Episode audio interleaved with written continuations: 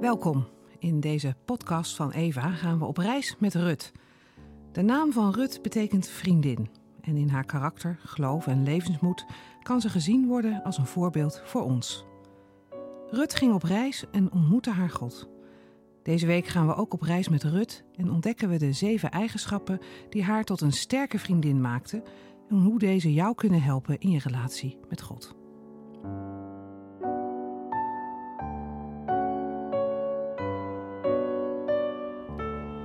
Dag 4. Gunnend. We beginnen de overdenking met een bewust moment van stilte.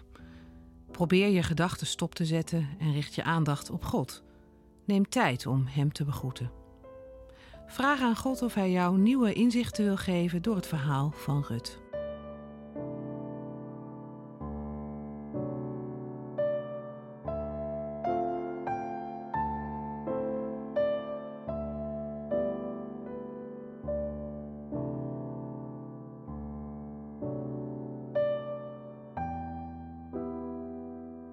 We lezen Rut 2, vers 10 tot en met vers 18.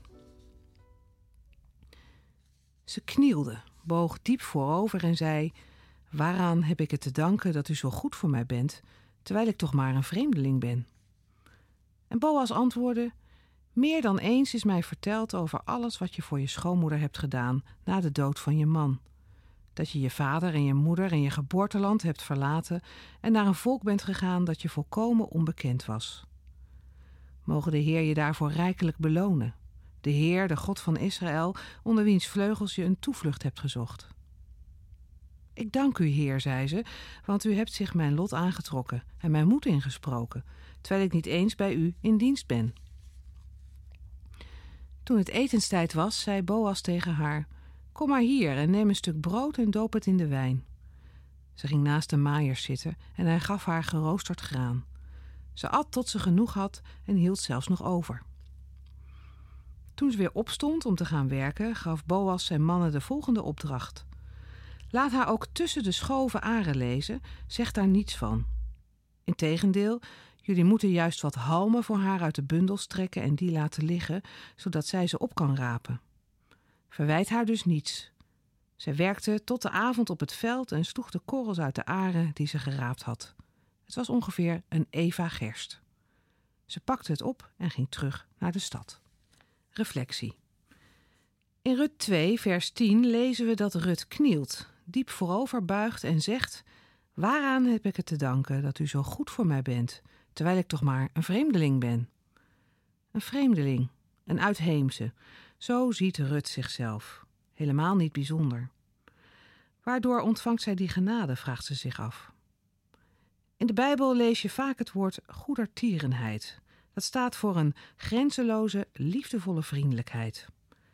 Zo omschrijft Rut ook het gebaar dat zij ontvangt van Boas.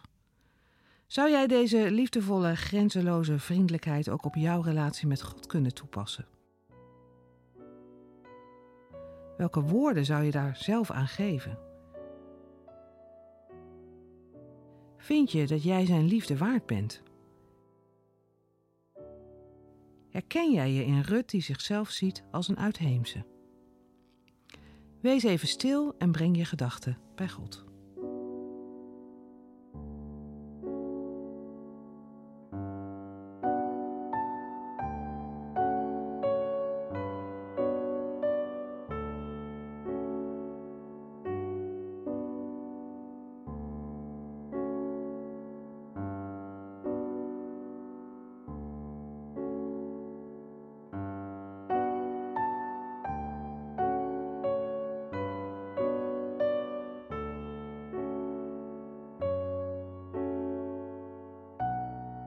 In vers 18 lezen we dat Rut de korrels uit de aren die ze geraapt had mee terug naar de stad nam.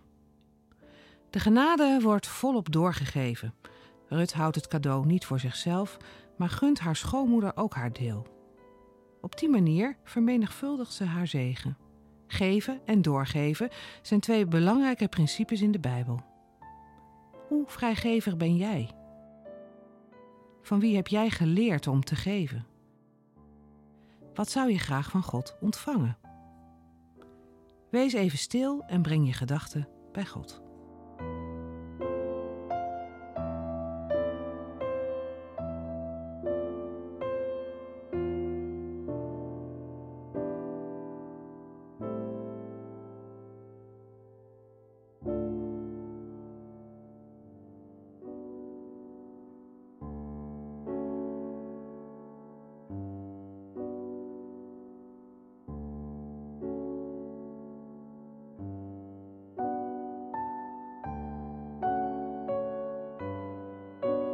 We sluiten af met het Onze Vader.